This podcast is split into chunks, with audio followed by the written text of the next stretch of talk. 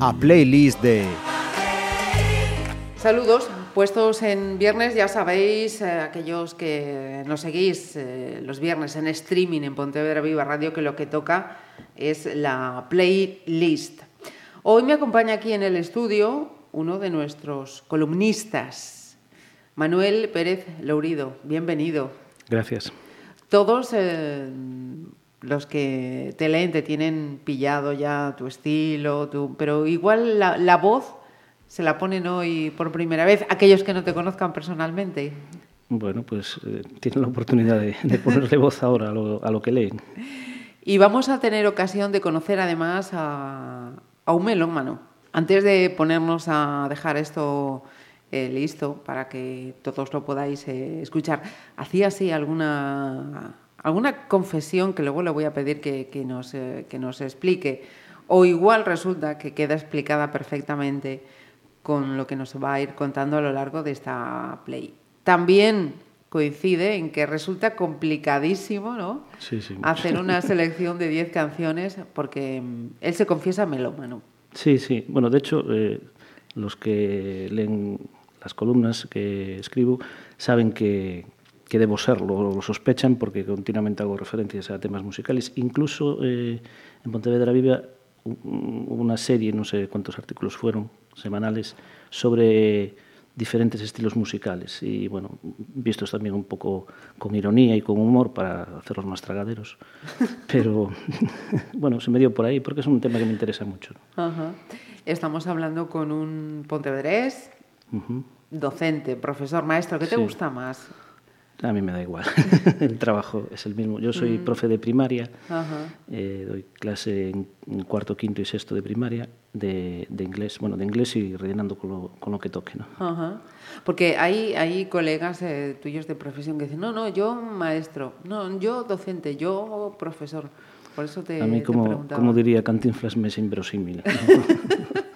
No, No tengo... Eh, aficionado al fútbol.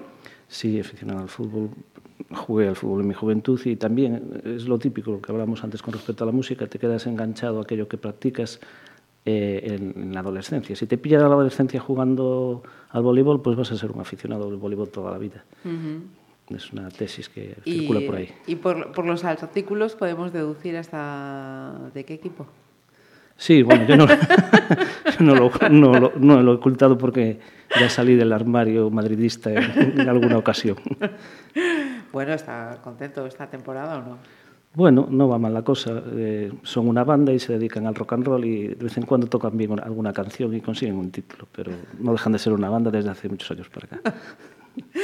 Antes de, de entrar en otra, en otra pregunta personal, podemos eh, hablar y que nos cuentes, porque me decía, mm, cada canción va asociado con, con una anécdota, con un momento de, de mi vida. Háblanos de, de tu primera selección, ya que, ya que va vinculado. Bueno, pues por ejemplo, la primera que puse, puse la primera canción del primer disco de un grupo eh, que se llama América, Riverside, es del 71, y eh, la puse porque este disco fue el primer disco de vinilo que me compré. Ajá. Lo compré antes de tener tocadiscos. y lo tuve guardado. Yo también, yo también soy de las que compraba el vinilo a la espera de que llegara el tocadiscos. Eh, exacto, sí, señor. Era una cosa que decías, bueno, lo tengo que comprar ahora porque luego esto igual no se vende, y me, me gusta mucho, me habían pasado una cinta y dije, bueno, pues... Y este vinilo pues marcó una serie de cosas, entre otras el estilo musical, ¿no? Yo soy fan desde esta época de... En aquella época se llamaba country rock, ahora le llaman americana a esto, ¿no? Bueno, viene siendo más o menos lo mismo. Y es un estilo que, bueno, luego amplía gustos, ¿no? Pero siempre está ahí, ¿no? Siempre vuelvo a, a esto. Ajá. ¿Y, y el tema en concreto ese o podía ser cualquier otro? Bueno, cogí este porque el que más se suele poner es el de Un caballo sin nombre y bueno, este es el primero. También me gusta, me gustan en realidad todos los de, los de este disco.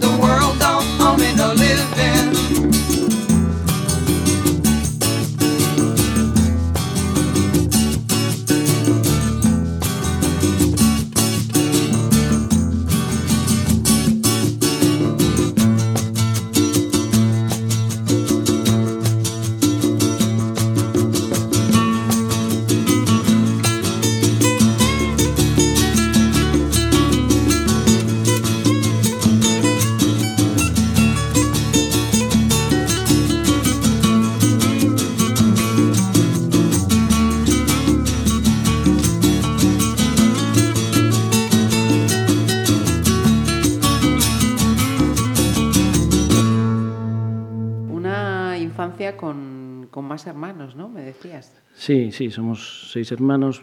eh, pasamos la infancia todos en la, en la zona vieja de Pontevedra. Era una infancia absolutamente diferente a la infancia de, de un niño cualquiera de hoy en día. Eh, vivíamos en la calle. Al salir del colegio ya nos soltaban para la calle para que nos trabajáramos en casa.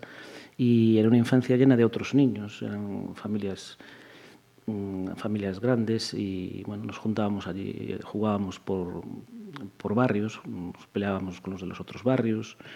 Bueno, yo encuentro que es algo totalmente diferente, como tiene que ser, ¿no? porque las cosas cambian, la vida evoluciona, eh, las cosas eh, de, de la infancia, los juegos de la infancia cambian, la sociedad cambia, la cultura cambia y, y yo no me reconozco en la, en la infancia de hoy, no, no, no tiene que ver con la, con la mía, ¿no? Ajá. en muchos aspectos. Ujú.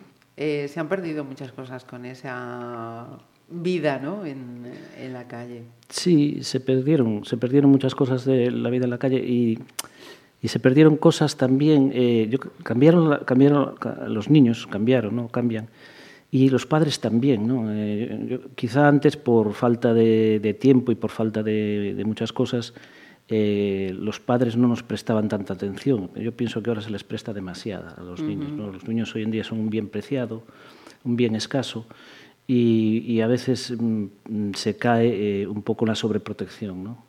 De aquella no para nada existía aquello, ¿no? de aquella los golpes nos los curábamos nosotros solos y...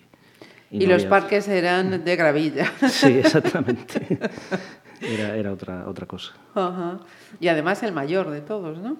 Sí, sí, yo era el, mayor de los seis, sí. ¿Y cómo se lleva eso? Eso es una responsabilidad y es una impronta para los que vienen luego, ¿no? Generalmente. Sí, generalmente es lo que se suele decir, que el mayor siempre tiene que escuchar, que tiene que hacerse cargo de los pequeños y, y tiene un extra, digamos, de, de responsabilidad. Pero también se, se, lleva, se lleva bien, o por lo menos yo recuerdo que de, de crío eh, lo llevábamos bien, porque luego no eras tú solo el que cuidaba de tus hermanos, sino que era toda la pandilla, todo el barrio, toda la calle, todo, todo el mundo. ¿no?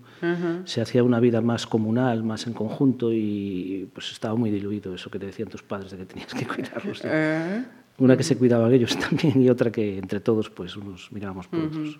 ¿Y Manuel eh, ejerció influencia musical en los que vinieron detrás? Yo nunca he hecho apostolado musical ni, ni, ni de ningún tipo casi, ¿no? Mira, eh, Bob Dylan, que ha sido noticia este pasado Sí, sí, sí. 2016. Yo no sé si intencionada, no intencionadamente. Yo creo que sí, que fue un premio muy buscado, muy dirigido, porque sabían que iba a originar un debate mediático y querían poner el, revalorizar un poco el premio. ¿no? Es la impresión que da desde fuera, tomar ese paso de dárselo a una persona que ha destacado en el mundo de, la música, no exactamente en el de la literatura. Uh -huh. Pero bueno, está muy bien dado. Yo soy fan acérrimo de Bob Dylan. Uh -huh. eh, recuerdo que eh, cuando, cuando le dieron el premio, mi muro de Facebook se llenó de felicitaciones, que parecía que me lo habían dado a mí. Sí. Bob Dylan. Luego también entraba gente a, a picar, a decir que, que este, no, este señor no, no escribía, que era música y no sé qué. No. Uh -huh. La típica, el típico juego. Y cuéntanos, ¿cuándo llega Bob Dylan a tu vida? Y... Pues llega con esta canción, con esta canción que, que seleccioné, eh, Shelter from the Storm, que está en un disco que se llama Hard Rain.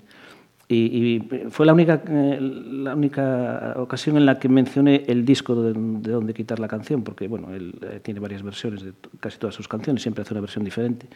Pero la primera vez que yo vi a Bob Dylan fue en televisión, en un programa de José María Íñigo, un domingo por la tarde en una sección que tenía que se llamaba El Conseguidor. Entonces le llamaba gente de diversos sitios o le escribía y le pedía algo. Y alguien le pidió un, un vídeo de una actuación en directo de Bob Dylan. Entonces pusieron una actuación de, de, este, de este concierto de Hard Rain, que como el nombre indica, bueno, fue un concierto bajo la lluvia y tal. El, tipo estaba tapado, tenía la, la, cabeza tapada con un paño blanco y atado con una especie de bandana.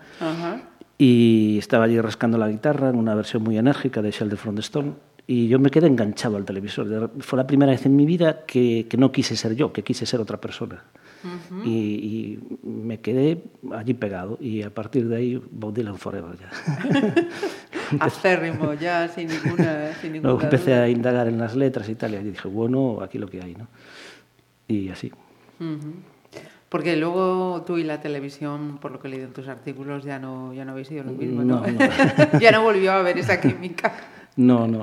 Después, eh, con el paso del tiempo, pues te, te das cuenta que es un instrumento peligroso.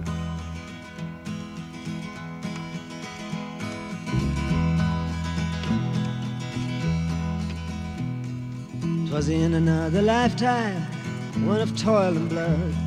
When blackness was a virtue, the road was full of mud.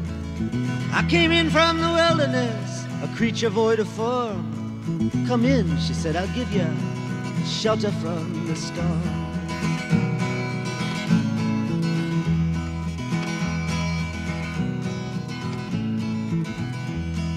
And if I pass this way again, you can rest assured. I'll always do my best for her, on that I give my word. In a world of steel-eyed death and men who are fighting to be warm. Come in, she said, I'll give ya shelter from the storm.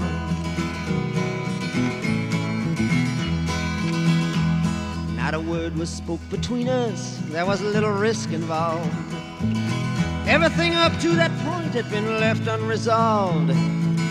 Try imagining a place where it's always safe and warm. Come in, she said, I'll give you shelter from the storm.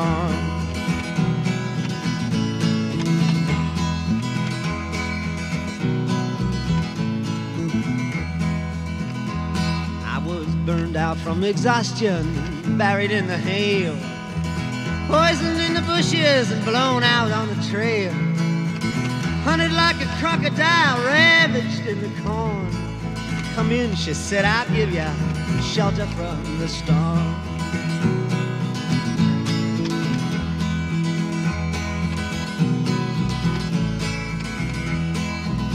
Suddenly I turned around and she was standing there with silver bracelets on her wrists and flowers in her hair. She walked up to me so gracefully and took my crown of thorns. Come in, she said, I'll give you shelter from the storm.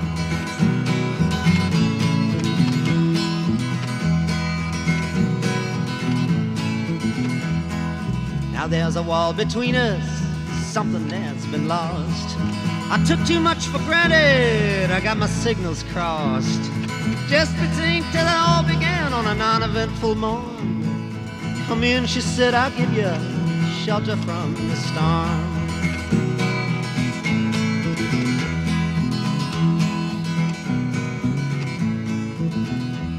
Well, the deputy walks on hard nails and the preacher rides a mount. But nothing really matters much, it's doom alone that counts. And the one-eyed undertaker, he blows a feudal horn. Come in, she said, I'll give ya shelter from the storm.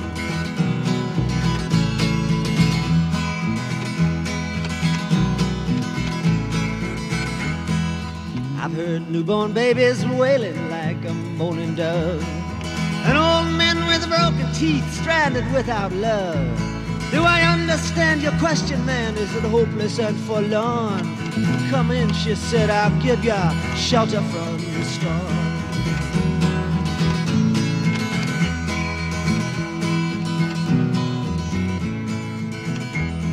In a little hilltop village, they gambled for my clothes. I bargained for salvation and she gave me a lethal dose.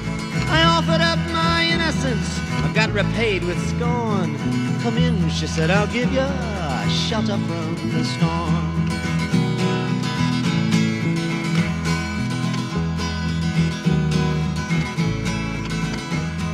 I'm living in a foreign country, but I'm bound to cross the line.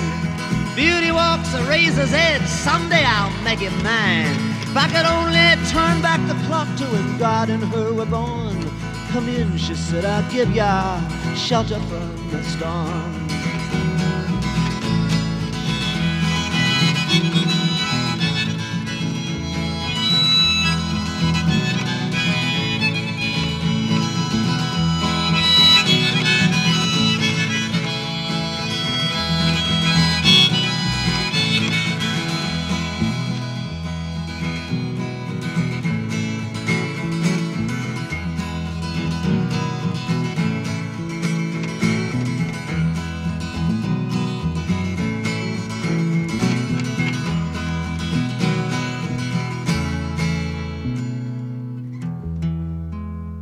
Comentabas, Manuel, que habías eh, comenzado a indagar en sus letras y decías, eh, caray, lo, lo, que hay aquí. ¿Lo del inglés eh, vino posteriormente a raíz de esto? Vino por ahí un poco también. Yo me interesé por, por el inglés en, en primaria se me daba bien y entonces, eh, bueno, pues eh, lo típico, cuando se da bien una cosa, pues, pues tienes una buena relación emocional con ella, ¿no? con, en este caso con esta asignatura. Y, y, luego me servía como instrumento porque quería entender qué es lo que cantaba la gente, qué es lo que decía. ¿no? Eh, a veces te ponías a traducir letras de canciones y dices, mejor que no me hubiera enterado. ¿no? Pero en el caso de, de Bob Dylan fue todo lo contrario, ¿no? descubrí una densidad y, un, y una paleta artística muy, muy variada y muy muy, bueno, muy extensa. ¿no? A veces eh, a Bob Dylan se le achacaba eh, o se le contraponía, por ejemplo, con Leonard Cohen o con Nick Cave o con otro tipo de escritores, muy buenos escritores de canciones, pero yo creo que en algo en que, en el, con el que no pueden compararse con Dylan es en la amplitud de, su, de sus intereses eh, a la hora de escribir, ¿no? desde el surrealismo hasta canciones clásicas como Blowing in the Wind, canciones políticos y sociales, ¿no? son unos campos que permanecen ausentes en los demás. ¿no? Y él es una persona muy inquieta y ha tocado todo tipo de temáticas y de todo tipo de maneras. ¿no? Uh -huh. La siguiente selección viene con algo ya distinto, ¿no? Ya otro, otro momento sí. ya más ochentero. Vamos ochentero, este es el momento New Wave, ¿no? De Police. Son de estos -huh. grupos que tienes cariño porque los descubres en, en la radio, los echan en la radio con sus primeros pasos aquí en España, después de haber eh, triunfado con el primer disco en el Reino Unido, este solo es del primer disco. Y, y, bueno, te los recuerdo que de aquella los intentaban vender hasta como los nuevos Beatles. ¿no? Tengo visto alguna, alguna revista por ahí y tal. Y bueno, fue un, fue un impacto. Yo creo que el, quizá hasta el, el, último disco precisamente que sacaron eh, no consiguieron hacer algo tan bueno como este primero. Y esta canción era una canción mítica, con mucha energía, que nosotros cantábamos así de broma en el, en el instituto. Recuerdo que esta canción es de, del instituto. Se uh -huh. Y allí, bueno, pues tenía, tenía mucha pegada polista bien. Uh -huh. Decías que había leído en algunas revistas, te veo leyendo el Rock Deluxe, el Ruta 66. Sí, sí, bueno, eso ya fue más adelante, ¿no? Eh, más, más adelante. Yo recuerdo que Police eh, se vendía en revistas que ya desaparecieron. ¿no? En revistas que eran un poco para adolescentes, mm. los ponían con el pelo teñido de rubio y estaban intentando meterlos por aí, ¿no? con un grupo para, para chavales jóvenes también, ¿no? un pouco... Uh -huh. venderlos. ¿no? sí, pero a, aquellas revistas de, para, para los seguidores de, digamos, de, de música alternativa, ¿no? Lo que era mm. tan comercial, ¿no? Ya, sí. ya no existen, ya han desaparecido. Bueno, quedan poquitas. Es un, es un mundo que, que está, está, en crisis, ¿no? Quedan Rodeluz, queda Ruta 66, queda el Popular 1, que, que sigue ahí adelante. Y alguna pequeña, alguna Rockzone, y bueno, hay algunas, algunas eh, pequeñas, pero bueno, tienen, tienen una vida bastante complicada, ¿no? Porque bueno, es, un- es como un reducto que queda de, de gente muy, muy fiel y se van manteniendo de esa manera, ¿no? Pero bueno, es un mundo ya muy complicado con Internet y todo esto. Sí, las nuevas tecnologías, bienvenidas sean. Eh, por cierto, ¿tú te quedas con eh, Police o posteriormente con, con Sting? O aquello, una vez que se extingue de Police, luego ya, Ya. es otro cuento. Es que yo creo que la- los dos son la misma cosa. Es decir, eh, Police no hubiera sido lo que fue sin Sting. Y probablemente hubiera habido un Police sin Stuart Copeland. eh, y, bueno, y sin el guitarrista, que ahora mismo no recuerdo cómo se llama. Pero sin Sting no, no podría existir Police. Los tres eh, fueron, no sé, un conju- formaron un conjunto muy, muy importante, ¿no? un conjunto irrepetible. Pero lo que luego ya hizo Sting en solitario fue, se tiró un poco más al jazz, no sé, yo creo que lo tenía menos claro que con Police, ¿no? como que estaba buscando su, su sitio y, y anduvo ahí dando vueltas, ¿no? Brujuleando. Brujuleando a ver si por dónde rompía. Pero bueno, el impacto para mí fue claro.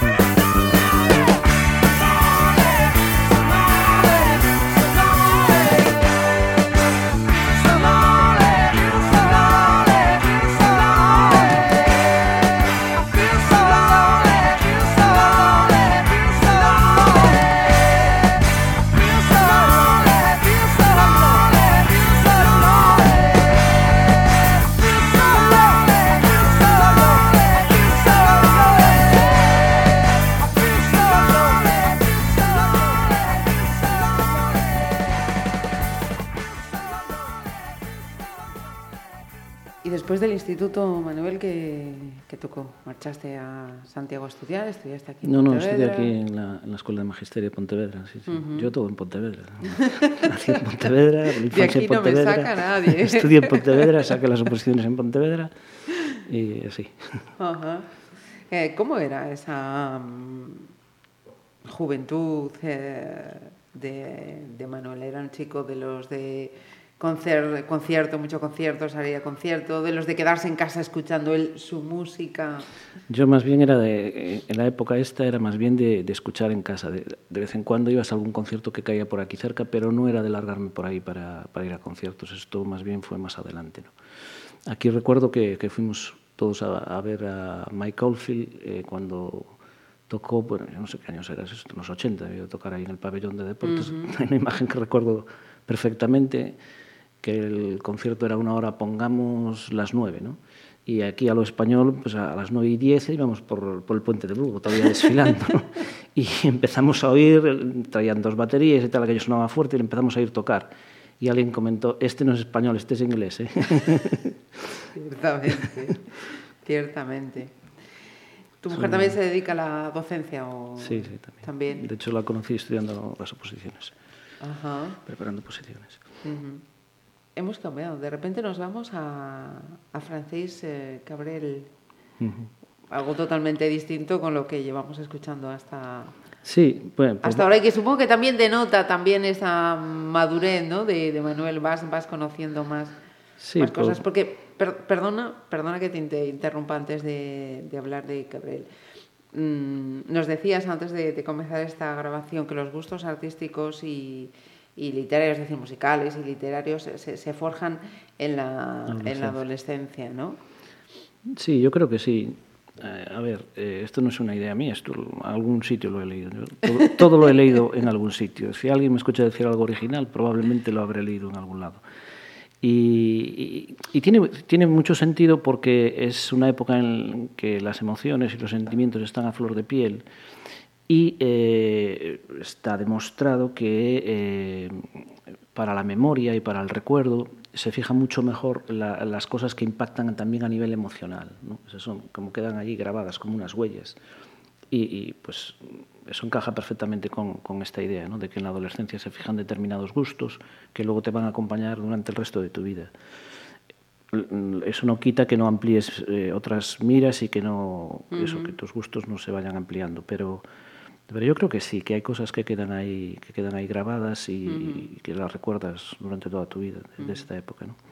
Hay, hay, hay pozos. ¿eh? Yo recuerdo en, mi generación que de repente eh, eras eh, rocker, eras mod, luego te pasabas al rockabilly, sí. luego eran todo un max mix ahí de, de tendencias, de momentos que también es reflejo de, de- de- tu personalidad, ¿no? Todavía Sí, no acabas sí, de sí, forjarte, "Me hoy voy por aquí, mañana voy por allá, hasta que... Sí, sí, apuntas a una cosa, pero luego te gusta más otra y luego saltas a una tercera. Sí, es un, es un tiempo complicado ese. Momentos complicados, sí, afortunadamente ya los dejamos Ya atrás. pasado. Eh, Cabrel, ¿cómo? Cabrel. ¿Y por qué? Pues un poco también era por, por variar el rumbo, ¿no? Porque todo esto era un poco medio rock y tal, y, y esto es una música más bien melódica. Y, y por un par de cosas. Una es que era una canción que me llegó a través de la radio, que era un, un medio también muy, muy importante. En aquella época estábamos enganchadísimos a la radio. Era lo típico que grababas cassettes de la radio. Sí. Eh, bueno, te hacías con una discoteca más de, de grabar cosas de la radio. Y, y otra, mm, porque mm, desde el principio esta canción eh, a mí me dio la impresión de que iba sobre la heroína. Hay un debate ahí sobre el, sobre el asunto, ¿no? Parece que este, este señor andaba también brujuleando por, esa, por esa, esos, esos sitios peligrosos y, y estaba relacionado con una época en donde la- el problema de la droga golpeó muy fuerte en Pontevedra, ¿no? Eh, a toda una generación eh, en los años 80, ¿no? y, y golpeó de una forma doble. Primero golpeó a través de la droga y después golpeó a través del SIDA digamos que fue eh, unos años después fue pasando factura ¿no? a toda la gente que había estado enganchada y que había sobrevivido porque algunos por unas cosas o por otra ya, ya habían quedado en el camino ¿no? y, y esta canción eh, pues yo creo que hablaba sutilmente de esto ¿no? Y, pero, en bueno, realidad no era una mujer, aquello de la quiero morir. No, yo no, no- yo desde el principio la verdad no, no me fue la cabeza por ahí. Hay quien dice que sí, que era una canción de amor, eh, que podía ser eh, dedicada a su madre también. Hay, hay algunas tesis, ¿no? Pero eh, no sé, yo me inclino a pensar en la primera idea que tuve, ¿no? Que, que habla de, de- de otra cosa más, ¿no? Que era muy típico en aquella época hablar así, no directamente, ¿no? De, este tema. Ujú.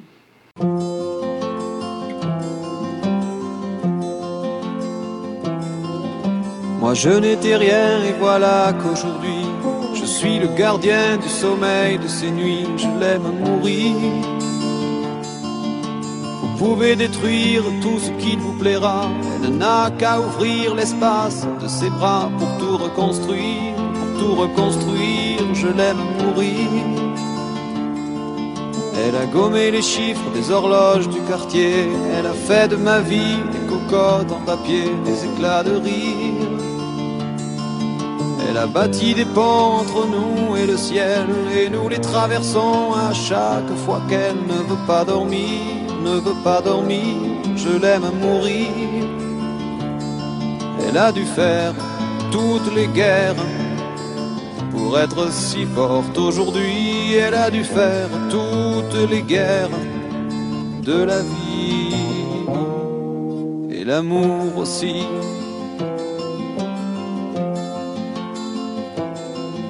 Elle vit de son mieux son rêve d'opaline, elle danse au milieu des forêts qu'elle dessine, je l'aime à mourir. Elle porte des rubans qu'elle laisse s'envoler, elle me chante souvent que j'ai tort d'essayer de les retenir, de les retenir, je l'aime à mourir. Pour monter dans sa grotte cachée sous les toits, je dois clouer des notes à mes sabots de bois, je l'aime à mourir. Je dois juste m'asseoir, je ne dois pas parler, je ne dois rien vouloir, je dois juste essayer de lui appartenir, de lui appartenir, je l'aime mourir.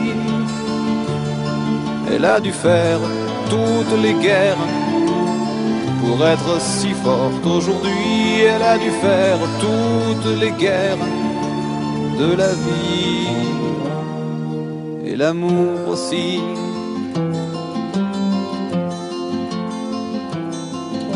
Moi je n'étais rien, voilà qu'aujourd'hui je suis le gardien du sommeil de ces nuits, je l'aime mourir. Vous pouvez détruire tout ce qui vous plaira, on n'aura qu'à ouvrir l'espace de ses bras pour tout reconstruire, pour tout reconstruire, je l'aime mourir.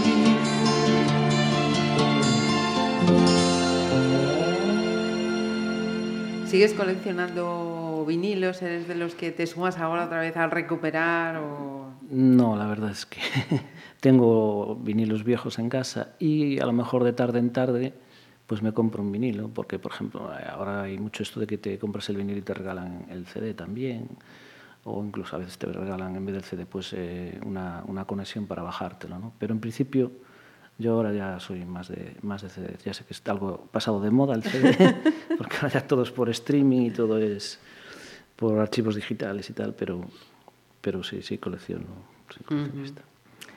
¿Eres de en redes sociales cero? A ver, cero no puede ser, porque si, si estás un poco metido en el tema este de, de publicar alguna cosa de vez en cuando, pues tienes que moverla a través de las redes Ajá. sociales.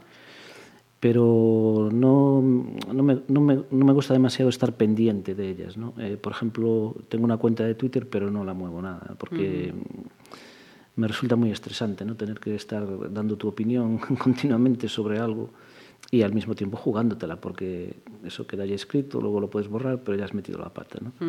Hay ejemplos de estos todos los días. ¿no? Y entonces yo creo que es como todo, eh, todo en su justa medida es interesante, ¿no? Si, si, si sabes medirlo. ¿no? El problema es cuando te metes en algo y aunque tú no quieras te ves arrastrado, ¿no? porque luego ya eh, digamos que, que tienes que un poco servir a eso. ¿no? Eso al principio te sirve a ti, pero al final puedes acabar tú sirviendo a ese medio, ¿no? porque ya estás, estás metido hasta el cuello y tienes que responder a, a una serie de, de compromisos que, de comunicación que has adquirido, y etcétera, etcétera. Que coste que me, me reí mucho en su momento leyendo eh, el artículo aquel de Caranchoa, o el de los Mannequin Challenge sí, y demás. Es, es la cara, vamos a decir, que un poco histriónica ¿no? de, de todo Sí. esto. Sí, sí, sí, sí, no, se, producen cosas bueno, que, que cuesta creer, ¿no? que las lees y te parece un chiste. Mira, eh, un mítico también, Roger Daltrey. Y la canción, en cuanto, en cuanto se escuche, lo, lo mismo. Sí, sí, sí. Cuéntanos, ¿cómo Esta- llega y qué anécdota vital va vinculada a ella? No, pues estuve a, a- a una discoteca, porque esta yo lo oí en una discoteca en Pontevedra y creo que fue en una discoteca que se llamaba Golope. No sé si en la época aquella está en Pardo Bazán, estaba en Pardo Bazán. Eh, luego se llamó Lunares y no sé si se llamaba ya Golope en aquella época, la verdad, en finales de los 80, no, no recuerdo. Eh, aunque en los 80, esta es del 77, tengo aquí por ahí anotado que esta canción es del 77, pues sobre los 80 sí, la oí. Es una canción que no es de Daltrey, es de Murray Heat, pero esta versión de Daltrey es brutal. Yo, eh, es, es una canción a la que llegué puramente por, por su sonido, ¿no? O sea, me, me encantó la pasión con que está interpretada esta canción. Y de hecho es, es una de mis canciones favoritas desde aquella época. ¿no? Si tuviera que quedarme con una o dos canciones, esta estaría ahí seguro. Eh, también ayudó a eso que era muy difícil de conseguir el sencillo Sí. de esta canción, ¿no? porque buscabas por ahí y al final yo recuerdo que en aquella época nos comprábamos a veces un vinilo por una canción o un par de canciones. Sí. Luego gastabas el vinilo hasta que se caía, ¿no? Cachos, y te conocías todas las canciones, no como ahora, que te tienes todo a mano y no te aprendes nada, ¿no? Pero de aquella sí. Y, y era muy difícil de conseguir. Yo la oía muy de tarde en tarde, por eso no la gasté mucho. Eh, bueno, al final conseguí un recopilatorio de Daltrey y, la, y que la incluía, ¿no? Ajá. Y me parece una canción excepcional y una interpretación excepcional. Ujú. y, y una imagen en escena que tiempo después, eh, creo, ¿eh? no sé si se inspiraron o no, pero grupos así, vamos a decir que de heavy muy mm, finito, parece que la, la imitaron. No pienso en Europe, por ejemplo, ¿no? Ah, que sí, los sí. ves dices tú, caray, no habéis inventado nada, que ya estaba Daltrey con esta... Sí, sí, sí. Ya estaban los Who ahí Ujú. haciendo sus, sus cosas para llamar la atención, ¿no? Porque la mitad de las cosas que ocurren en la música son para llamar la atención. ¿no? Ujú. Eh, a veces hasta queda un poco ridículo, ¿no? Ves a, a gente de, de- de 40 años, 30 y pico años, estos ya no, estos ya tienen 60, ¿no? Con, uno- con unas pintas, ¿no? en el escenario. y dicen, vosotros aquí, aquí queréis eh, llamar la atención. O sea que no, no sé. Si te pregunto pues, con esa reflexión por los eh, Rolling, por ejemplo, ¿qué dirías? A ver, ya pasó vuestro momento, ya eh, es... Hombre, lo- los Rolling son una empresa, ¿no? O sea, todo, todo grupo musical de, llegado a cierto punto se convierte en una empresa. Una empresa que despacha a sus empleados como, por, por intereses, como hicieron, como, hizo, eh, como hicieron los Rollins al principio de su carrera, porque el Maya le- les impuso, no sé si era un batería, que, que había empezado con ellos, pues le parecía demasiado mayor para, para vender ese grupo, ¿no? Y, y hoy en día, más que nunca, pues es un grupo que se juntan para, para pagar los divorcios ¿no? de, de, de Keith Richards o de, o de Mike Jagger.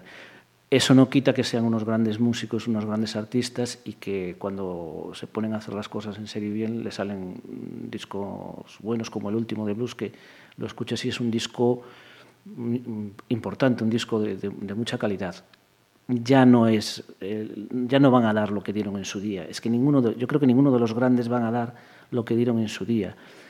Eh, digamos que ya echaron la pepita todos. Pero siempre van a estar a un nivel altísimo porque son unos, unos grandes artistas eso.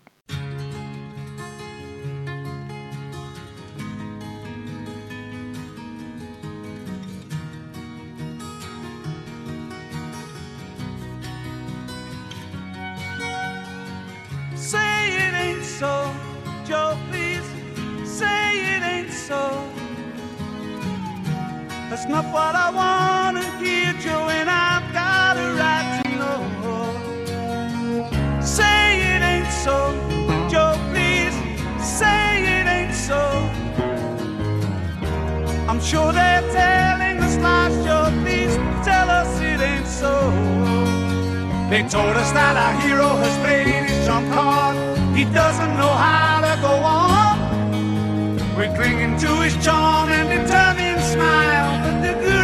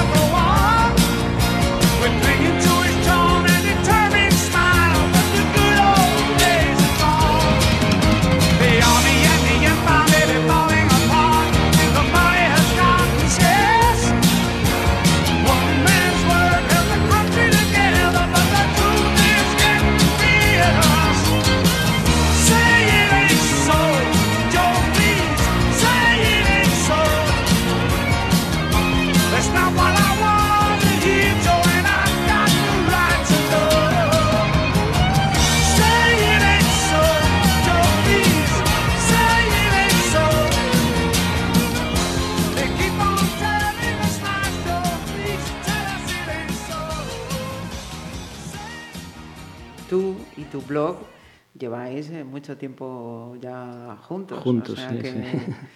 Lo, de, lo del mundo internet Seis años. también te tiene... Sí, sí, sí. Y de hecho el blog fue un poco la puerta para que luego yo empezara a colaborar en prensa, ¿no? Hace seis años empecé, empecé ahí, luego eh, Javois tenía un blog Apuntes en Sucio, eh, yo entra- entré en él, comenté alguna cosa, eh, luego pues un día no- nos conocimos, él me presentó a Rodrigo Cota, Rodrigo Cota me presentó a no sé quién, bueno, me fui metiendo un poco en el mundo y este del articulismo y todas estas historias. y paralelamente, pues he seguido durante todo este tiempo con el blog, que cada vez me, me cuesta más eh, mantenerlo vivo. ¿Por Tengo- qué? Tengo que decirlo. Porque, bueno, pues estás a tu trabajo y un un trabajo que no, no se termina cuando, cuando sales de la oficina, digamos, sino que continúa durante el resto del día te, te quita tiempo, la familia te quita tiempo y, y las colaboraciones empresas te quitan tiempo y, y un poco eh, y, y todo este tipo de, de cuestiones pues te van te van mermando ¿no? y me imagino que tam- también los años van pasando y, y no es lo mismo hace seis años que ahora no sé, veo que ya se me están acabando las O pilas Galpondas Choivas O Galpondas Choivas. puede- Puede acabar Bueno, cerrando Mm, que conste que tuvo su reflejo en, en papel. Mencionabas antes a Javois. Mm. El lo- título, su libro, Irse a Madrid, tú dijiste, pues el Sí, mío, quedarse, en Pontevedra. Sí, sí, sí. Sí, sí, sí. Eh, sí, fue un- una recopilación de, de artículos de, del blog. eh, uno de los pocos libros que conozco yo bilingües. la mitad de los artículos estaban en gallego y la mitad en castellano. Como en aquella época era el blog, ahora no, ahora casi todo lo escribo en castellano. Porque me es mucho más cómodo, tengo menos tiempo y, y- y el gallego siempre me, me exige un poco más, ¿no? Me exige, me exige más. Wilco, Wilco. cuéntanos. Eh, bueno, eh, Esto ya es lo que ahora se llama música alternativa, ¿no? sí, sí. Aunque Wilco, digamos que ya también tiene un cierto estatus de, de ser muy conocidos ¿no? a estas Ajá. alturas. Eh, yo los conocí.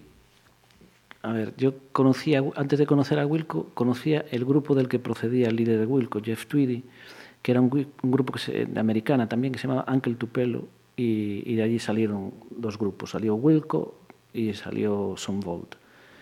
Por lo de siempre, por discusiones entre dos, dos gallos que había allí en el gallinero, entonces cada uno se acabó separando y eh, Sonvolt se quedó con una audiencia muy minoritaria y, y Wilco, Wilco pues fue rompiendo techos ca- cada vez más. A mí es un, es un grupo que me encanta, me parece un, un grupo maravilloso en lo suyo, súper profesionales. Mm, Yo estuve en un par de conciertos de Wilco y es increíble la forma en que ellos eh, se plantean el tema del directo. No hay apenas espacio entre canción y canción, lo tienen todo milimetrado. Eh, eso no impide que, que interactúen con el público, con algún comentario, con alguna cosa, pero mm, digamos que ellos no te estafan la entrada. Pagas un- una buena pasta por la entrada, pero luego te dan eh, 100%, ¿no? se entregan 100%, mm, aparte unos musicazos. ¿no? Y pues sí, eh, tenía que escoger un tema de Wilco y escoge este ¿Y, de y en, qué, en qué momento vital llegan? Pues ya, bueno, esto ya fue, ya a lo mejor Wilco fue hace 10, 15 años, una cosa así, pongamos, cuando ya un poco eh, ya buscas otras cosas, ¿no? Ya eh, la música de siempre, aunque te, sigue gustando, de hecho esto sigue siendo un poco en plan americana, pero ya indagas más, ya tienes internet, yo a Wilco los conocí a través de internet, porque a través de internet fue cuando indagué qué había pasado con aquel, aquel grupo original que venía. I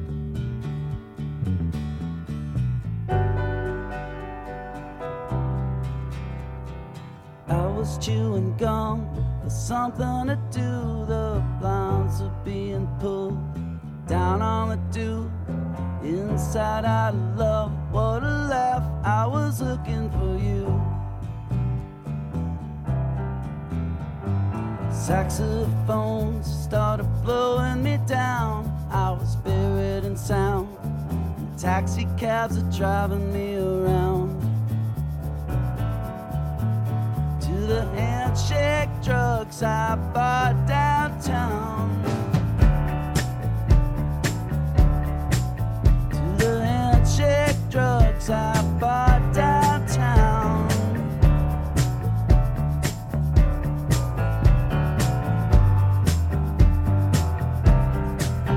They were translating poor.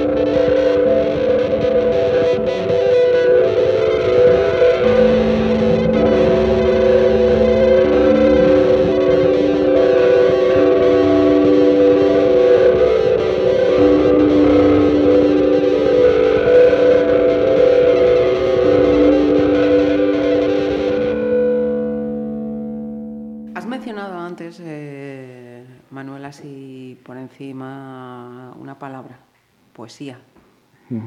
Eh, no sé si es una cuestión que quieres re- reservar o nos puedes dar así alguna avance de mm, si por ahí va a ir ahora tu, tu vocación literaria. No, no, por aquí ya fue siempre, ¿no?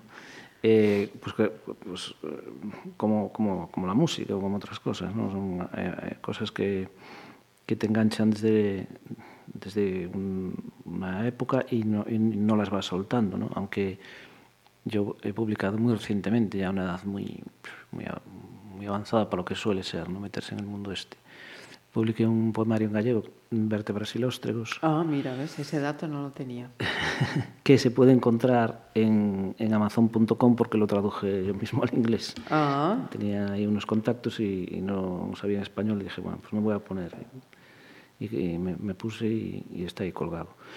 Y ahora precisamente, a lo mejor en cuestión de un mes, está ahí la cosa pendiente de fechas, eh, pues pretendo sacar otro, otro poemario, esta vez eh, en castellano, en vez de en gallego, en castellano. ujú. Y bueno, la idea es eso. Cada cierto tiempo, como voy a seguir escribiendo, pues intentar darle salida a lo que, a lo que estoy haciendo. ¿no? Ujú. ¿Qué fluye más, la prosa o la poesía? ¿O necesitas quizá una musa especial para que llegue la poesía, algo que igual no... No, todo es ponerse, tanto la prosa como, como la poesía. A mí me resulta más sencillo la prosa, porque tal y como yo hago las cosas, en este caso pues, lo que es artículos y esto, puedes tirar casi por, por cualquier lado. La poesía tienes que codificar un poco más lo que vas a decir y pensártelo un poco más. Eh, y digamos que también tiene un calado diferente. Un artículo pues no tiene por qué, por qué ser demasiado profundo, puedes pasar el rato y hacérselo pasar a la, a la gente que lo lea, que un poco son el 90% de las cosas que hago yo, ¿no? Eh, pasármelo bien escribiendo e intentar que la gente también se entretenga. Pero en la poesía ya sacas algo más de dentro, por lo menos esa es mi forma de concebirla, sale, eh, sale algo de ti, y, y no, no puede salir de cualquier manera, tienes que salir de alguna manera que, que, que perdure en, el tiempo, ¿no? que lo puedas leer dentro de cinco años y todavía te, te diga algo, que no sea coyuntural. Y, y, y, además lo tienes que hacer de una forma codificada, en un lenguaje poético, no en algo que llame la atención, que resulte agradable, que, que evoque belleza. ¿no? Y esa, esa, conjunción de belleza y, mensaje yo creo que es lo que hace grande a la poesía. ¿no? Uh -huh. Y sin embargo es un género al que cuesta llegar. Si ya en este país leemos poco sí, sí, poesía, sí. menos aún. Un género en retroceso, digamos. Se escribe mucha poesía porque hoy en día hay mucha más facilidad para publicar que antes. Pero se lee poco. ¿no? O sea, los poetas se leen a, leen a poetas, pero, pero yo, yo, entiendo esto porque es... Eh, es un, es un género en el que hay que introducirse, ¿no? Eh, no, no es cogerlo de la noche para la mañana y, y ya lo empiezas a entender todo, ¿no? Y ya empiezas a... al contrario, cuanto más eh, te expones a él y cuanto más lees y cuanto más fácil te va a resultar eh, entrar en, en, en, el mundo de la poesía. Una cosa es que tú leas un poema y, y, o que lo oigas y que te guste, porque te quedas con esa parte, y otra cosa es la descodificación de lo que allí dice. ¿no? Eso ya es, es un poco más complicado y es, es como un, es algo iniciático, ¿no? necesitas un poco de iniciación para meterte en eso. Ahí quería ir y con permiso de un profesor que, que tengo delante. Quizá precisamente cuando llega ese momento iniciático de los chavales en, en los colegios frente mm. a la poesía, ahí está el, el botón que hay que cambiar el chip que hay que cambiar para que los chavales se enganchen? Eh, los chavales eh, a, a, una edad mm, determinada, si tú les sabes vender las cosas, se enganchan. ¿no? El problema es después. Nosotros vemos en los colegios críos que son muy buenos lectores, uh -huh. eh, leen un montón de libros en la biblioteca y no es el 100%, pero, pero son algunas edades que son muy dúctiles para, para la lectura. Y luego, con el paso del tiempo, se van desenganchando. Luego hacen sus propias elecciones y tienen sus propias y luego yo creo que, que, queda en aquella gente que ya está un poco marcada para seguir leyendo, digamos. Uh -huh. eh, eso ya va con cada uno. Eh, y el que, el que tiene ese pozo dentro, el que tiene esa, esas inquietudes eh, dentro, pues va a ser un lector toda su vida. Y el que no, pues eso que le han inculcado, pues lo irá dejando poco a poco. ¿Y cómo fue la cosa de Vetusta Morla? Vetusta Morla, pues también por internet, a través de internet. Eh, escuché en internet en, eh, la- algunas de las canciones. Al principio me rayaba un poco la voz de- del vocalista, pero luego me fue enganchando. Y lo que me gusta de este asunto de Vetusta Morla es que fue creciendo el grupo conforme yo eh, los, los iba siguiendo. ¿no? Recuerdo un concierto que dieron, parece que fue en Meis, no sé si fue en Meis en Villa García, que allí no había más de 60 personas. ¿no? Y hoy Mira, hoy. llenan estadios con, con miles de personas. Antes venían mucho por aquí, en aquella época tocaron, recuerdo que tocaron en Caldas también, con poca gente. Y, y, claro, el primer disco era un discazo. Luego me enteré que llevaban 10 años en, en carretera eh, antes de sacar el disco y eso se notaba muchísimo. ¿no? Sí, sí. ¿Y Copenhague? Y ¿Por algo especial o...? Bueno, iba a poner otra porque esta es muy, muy conocida, pero me Sí. parece una canción preciosa y, y con mucho misterio. ¿no? Yo entiendo que la letra habla de, de los viajes, de los viajes que tienes que hacer a veces obligatoriamente, emigrando y todo esto. ¿no? Y, pero aún así tiene, tiene su, su punto de misterio ¿no? esta canción. Me gusta mucho. ¿Lo de la música indie mm, te tira o la excepción es Vetusta? No, sí, sí, yo no. A mí las etiquetas no me, no me echan para atrás, ¿no? es algo que, le- que se, que se ponen. ¿no? Pero no, a veces se ponen para, para llamar la atención, para atraer, y otras veces lo que pueden hacer es impedirlo, ¿no? impedir que, que tú te acerques, porque está etiquetado de tal manera que no, no te puedes acercar. ¿no? Y a veces es bueno romperlo. Yo hace, hace un, un par de meses me descubrí escuchando a, a, a Celine Dion. Celine Dion. Y no solo me descubrí escuchándola, sino que me descubrí eh, que me gustaban un par de temas de, de Celine, Celine Dion. Algo que no hubiera imaginado en mi vida. Yo creo que, es que hay que ser así un poco, intentar romper esos prejuicios.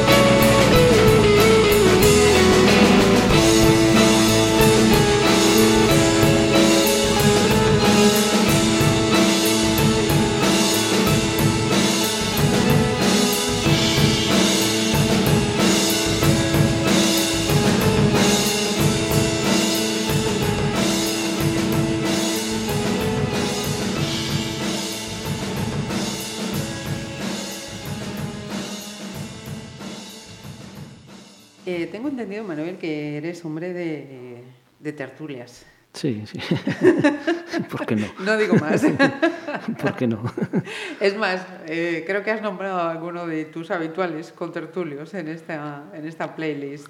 Sí, sí, sí. Algunos son habituales también de, de aquí, de Pontevedra Viva. Sí, sí. O, o lo fueron o, o- o siguen siendo. Lo que sí que es cierto es que, mm, por lo menos los que estamos en este mundillo, sí que hay una, una hornada así de, de articulistas que mm, habéis ido mm, ocupando vuestro, vuestro espacio y a veces yo no sé si mm, es como mm, un club, que no suene mal, cuidado, Sí, con sí, todo el cariño para los que estáis ahí, que además conozco a, a todos. Pero em, ese halo, ¿no? Ese halo de intelectualidad, de... ¿Es así o nos estamos yendo por los cerros? Yo creo que el halo ese es como eh, la espuma de la cerveza que nos tomamos. no, no- no va más de allá, ¿no? Nada, que va. Eh, Lo que pasa es que, bueno, te, te- te juntas porque pues, te conoces y desarrollas un aprecio por, por la persona que hay ¿no? detrás del, de- del articulista y, y te juntas y, hablas de, de tus cosas, ¿no? Tienes muchas veces eh, intereses comunes y, y bueno, es una forma de... Luego lo de este, lo de la tertulia, esto yo, no- yo me parece que fue este Bernardo Sartier el que le puso el nombre de tertulia. porque- Eh, Bernardo es así, ¿no? le gusta poner eh, ese tipo de ponerle nombres a, a- a las cosas. De hecho, eh, a eso se dedica en la- cuando hace sus, columnas. ¿no? Mira, otra de tus eh, selecciones para mí es totalmente nueva. Así que quiero que me expliques eh, qué es, quién es y cómo llega Damián Jurado. No sé si es así de castellano o de dónde viene esto. Eh, bueno, este, este hombre es eh, americano, ahora no recuerdo exactamente de qué, de qué lugar. Eh, yo lo conocí hace, un- hace unos años. Eh, no es, aquí a Pontevedra vino, vino a tocar en una ocasión en el teatro principal, que no pude ir a verlo, y luego tocó en Vigo una vez, que sí lo vi. Ahora está de gira con uno de sus últimos discos.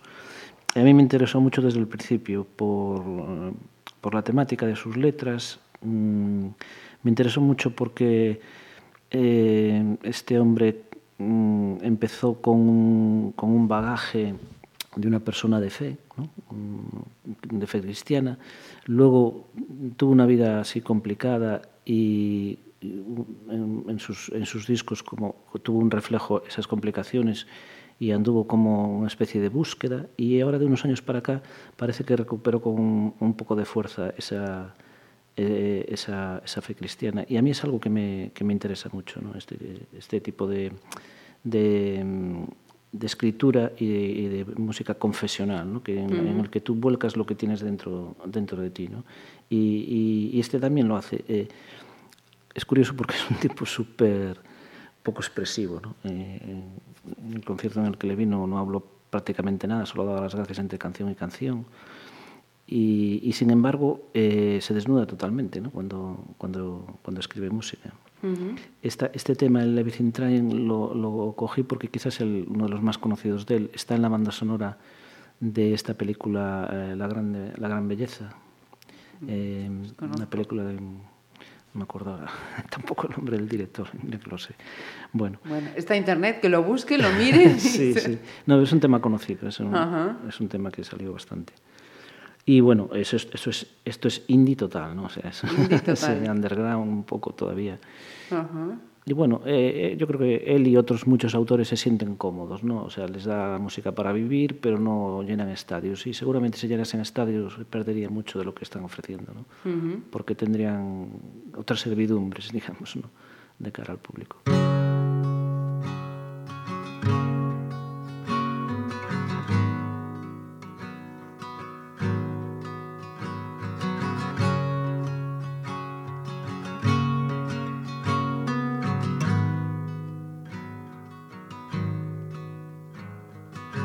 Call you now to tell you I'm thinking of you. But it does me no good when the phone is just blocking my view. and I would sail back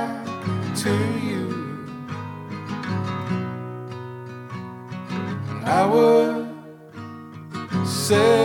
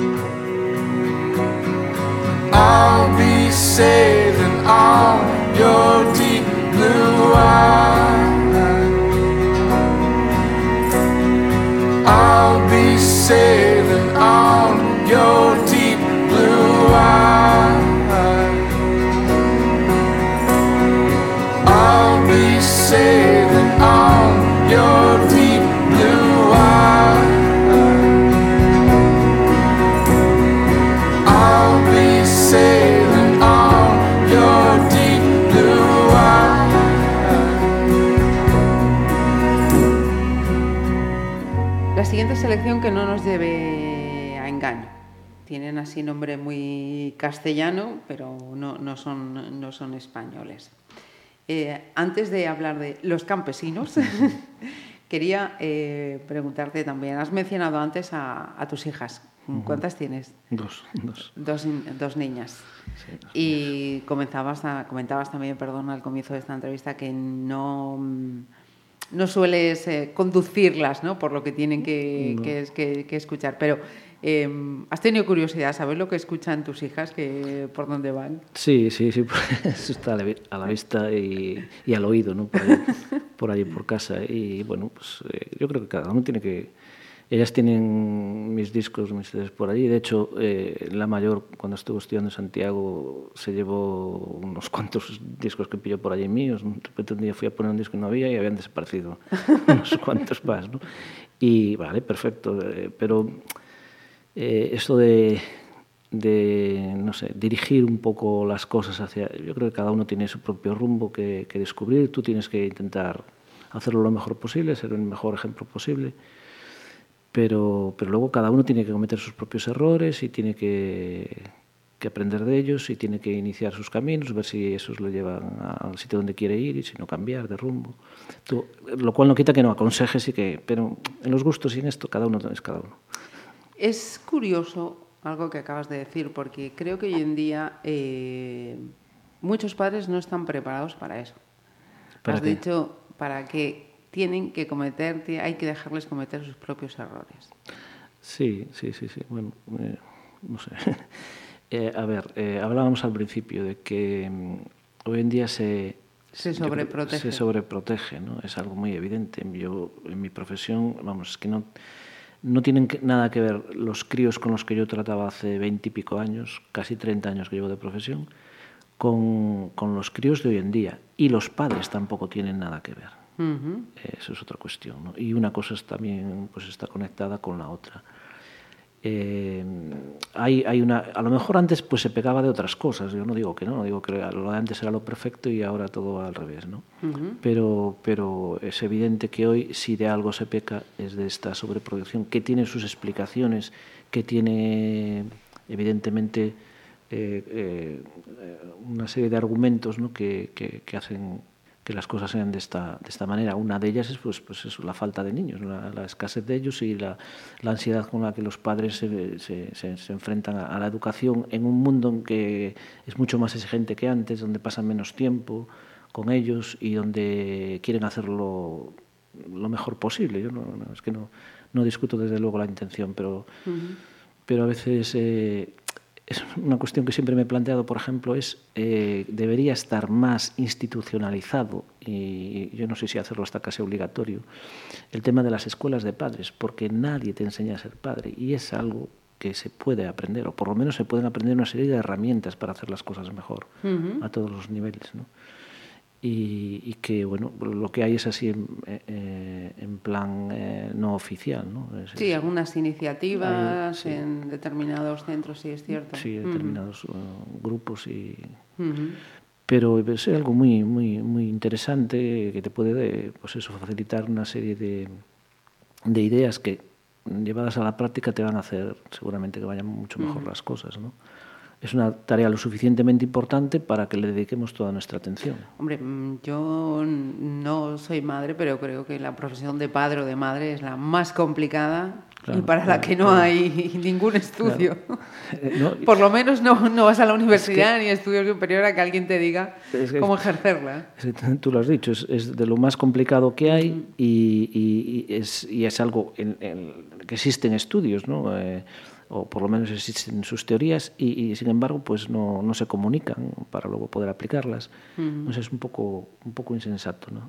el asunto este. ¿no? Uh -huh. Si tienes algo que al final, ¿qué haces? Pues lo vas a acabar aprendiendo de ensayo-error o, o, vas a aprender a golpes. O, es, o lo típico que nos pasa a los padres, que cuando pasa el tiempo dices, uy, pues ahora lo hubiera hecho de otra manera, ¿no? Uh -huh. Lo típico. La o, experiencia. La experiencia. pues sí. Eh, los campesinos. Los Cuéntanos, campesinos. que no tiene, estos no son ni de Castilla ni de... No, no, no. estos son, son, galeses, son de Cardiff. Eh, eh, pues también eh, yo llegué a estos por, a través de internet y, y, concretamente a través del, del tema este, eh, It's You, It's Me, It's Dancing, y los vi en Vigo, en Vigo Transforma se llamaba el festival, uh -huh. que era mm, un poco el festival que luego dio lugar al, Port, eh, al Portamérica. Era, se hacía en Vigo dos o tres días en el, el muelle de transatlánticos y yo creo que los vi el año en que vi a, Jeff Tweedy de, de, Wilco tocando el solo también allí en, en, un concierto. Bueno, un grupo así muy... Eh, eh, ellos procedían de una universidad, se conocieron en la Universidad de Cádiz, eran siete, un grupo numeroso, y veías que lo suyo era divertirse, era pasárselo bien. Estaban ahí los siete, eran muy jóvenes en el escenario el tema este es un tema muy muy largo y muy que tiene eh, muchas direcciones, no parece que empieza de una manera luego continúa de otra. A mí me, me llamó la atención desde el principio, me llamó la atención el nombre de los campesinos. Uh -huh. Sí, sí. Y, y, y, he visto últimamente que, bueno, luego los perdí de vista, ¿no? y he visto últimamente que ya siguen, siguen en activo y ya han sacado disco este año. ¿no? Uh -huh. bueno, estoy escuchando Spotify y tiene buena pinta.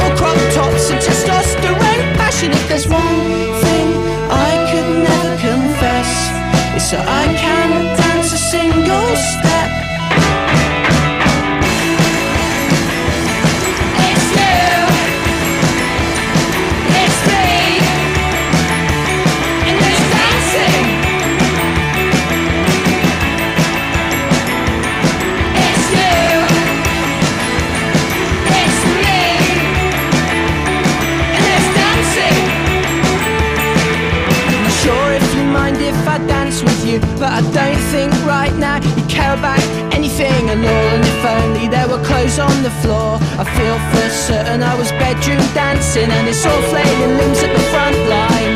Every single one of us is twisted by design and dispatches from the back of my mind. So so long as we're here, everything is alright. If there's one thing I could never confess, is that I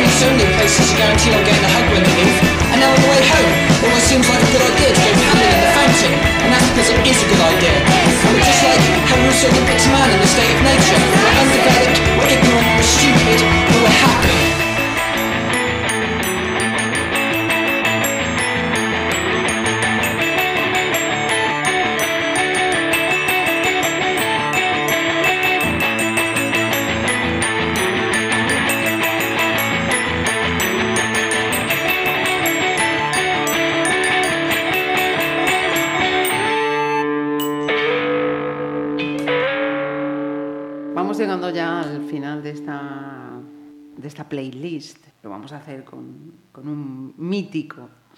Pero yo eh, quería hacerle alguna preguntita más a, a Manuel a raíz de, de esos eh, artículos.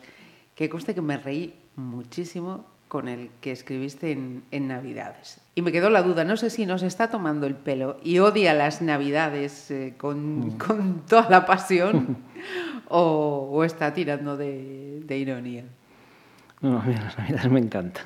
Ah, ¿ves? es una época que, o sea, es, es bastante fácil odiarla, ¿no? Por muchas razones. Pero yo siempre tuve una, una relación muy, muy buena con esa época, con, con las navidades. Me parece una cosa familiar, entrañable.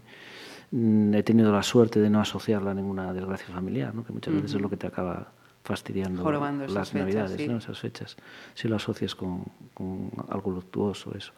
Mm, En, mi caso tuve esa suerte de que no y, y no sé, y desde crío siempre fue una época que viví con, para empezar eran vacaciones, entonces. Bueno. eso. Y, y- y no sé. Lo- otra cosa es que luego yo, pues la, la mirada que dirija a las cosas, pues sea así un poco socarrona, irónica o lo que sea, ¿no? Para, Uy. para divertir. Sí, sí, no, había caído totalmente. había caído totalmente. Y me gustó también, tengo que decirlo, el de... Tu frase final era que el amor se deshace, ¿no? A raíz de ese rótulo. Ah, sí, sí, que, sí. que a mí también me llamó la atención, la verdad, pero tengo que decir que mis reflexiones no fueron tan profundas como las tuyas, ni de lejos. Sí, el rótulo es impactante, no consigue lo, que, lo que se proponía, ¿no? Eh, pero bueno, sí, hoy en día es, es, un, es una palabra pf, muy inflada, ¿no? Muy, Y la perspectiva es eh, tal, tal cual. O sea, estamos en una sociedad en la que Sí. el amor se deshace. Sí, sí, sí, sí, cada vez hay, hay todavía, o sea, es como todo, ¿no? No puedes decir que el, que el 100% se haya ido al garete, pero cada vez queda menos sitio para las iniciativas que primen eh, el amor al prójimo, digamos, sobre otras cosas, ¿no? Ujú. entre, entre otras cosas porque eso no es lo que nutre a la sociedad. La que- lo que nutre a la sociedad es el, el egoísmo, ¿no? En- lo que hace que ruede la sociedad. Que te preocupes de ti, de comprarte tus cosas y tus historias. Eh, y eso nos afecta a todos. ¿no? Yo cuando critico estas cosas, parece, dices tú, "Joder, parece que te estás poniendo por encima del bien y del mal. No, no, yo soy uno más de los que está allí echando carbón en la máquina. ¿no? Está metido en el sistema igual que todos y, y puedes tener racionalmente una opinión crítica, pero ya llevarla a la práctica es más complicado. Pues para terminar esta, esta lista de, de Manuel, todo un, todo un clásico que me imagino que, que llegaría a tu vida hace tiempo, ¿no? Que no será algo nuevo. Sí, sí, claro, Van Morrison ya, ya hace tiempo. También tardíamente, porque yo ya conocía a, a- a muchos de los grandes y este era, yo creo que Van Morrison era un, un grande así un poco, un poco oculto, ¿no? Porque salvo algún éxito que tuvo con Cliff Richard, con alguna canción, tampoco es que tuviera, después de esta de Brown Girl, no, no tuvo muchos números uno, no sé. Mm, No, no era un hombre tampoco que, que viniese mucho por España, tiene venido alguna vez, pero tampoco sí, no, demasiado. no se ha prodigado demasiado, ¿no? Ujú. No, y luego tiene una forma de ser un carácter así muy huraño, muy arisco y eso tampoco hace, consigue buena prensa con, con esto. Pero desde luego es un, es un, un grande, ¿no? Después te- tuve ocasión de, de escribir algún artículo sobre su carrera o sobre una parte de su carrera y, documentarme, informarme y te das cuenta que es un hombre marcado por la música desde crío y que se entregó a ella pues como, un medio artístico de, expresión personal. Y, y bueno, pues cogí esta, esta canción porque recuerdo esta canción que fue, fue, fue la apoteosis de un concierto en, en, en Coruña. Y un concierto que no fue demasiado bueno, la verdad. Venía con la, con la sobrina Louis- Lee Lewis y su grupo, y el grupo fue el que la- lo acompañó a él. Y fue curiosísimo, porque estábamos todos esperando que llegara. El primero tocó eh, Gail Lewis. Y, y cuando llegó, llegó encartado en la, en la, con la guitarra colocada. Tenía un vientre descomunal, en aquella época estaba todavía mucho más gordo. Y cuando se fue, se fue con la guitarra encartada. No se la quitó porque yo creo que si se la intenta quitar se rompe allí mismo, ¿no? en el escenario. Pero ya hacia el final, cuando eh, sacó- soltó de las últimas esta Brown Girl y cuando sacó aquel bozarrón para, para arrancarse las primeras notas, el papillón se vino abajo. O sea, este hombre lo tiene, como se suele decir, lo tiene. Tiene, como dirían los del sur, tiene ese duende, ¿no? Tiene, tiene. Que por cierto, salvo Vetusta, mm, de música española, nada. Pues no, no puse mucha. Puede haber puesto Antonio Vega, por ejemplo, o Radio Futura. Pero bueno, había que poner 10. No, solo dejáis meter 10. entonces, pues no hay mucho. Si te llamamos para dentro de 15 días, habrá otra lista diferente. Eso sí, Suele, suele pasar. Pues eh, Manuel Pérez, de verdad, muchísimas eh, gracias. Gracias a y, vosotros. y saludos a sus compañeros de, de tertulia. Serán dados.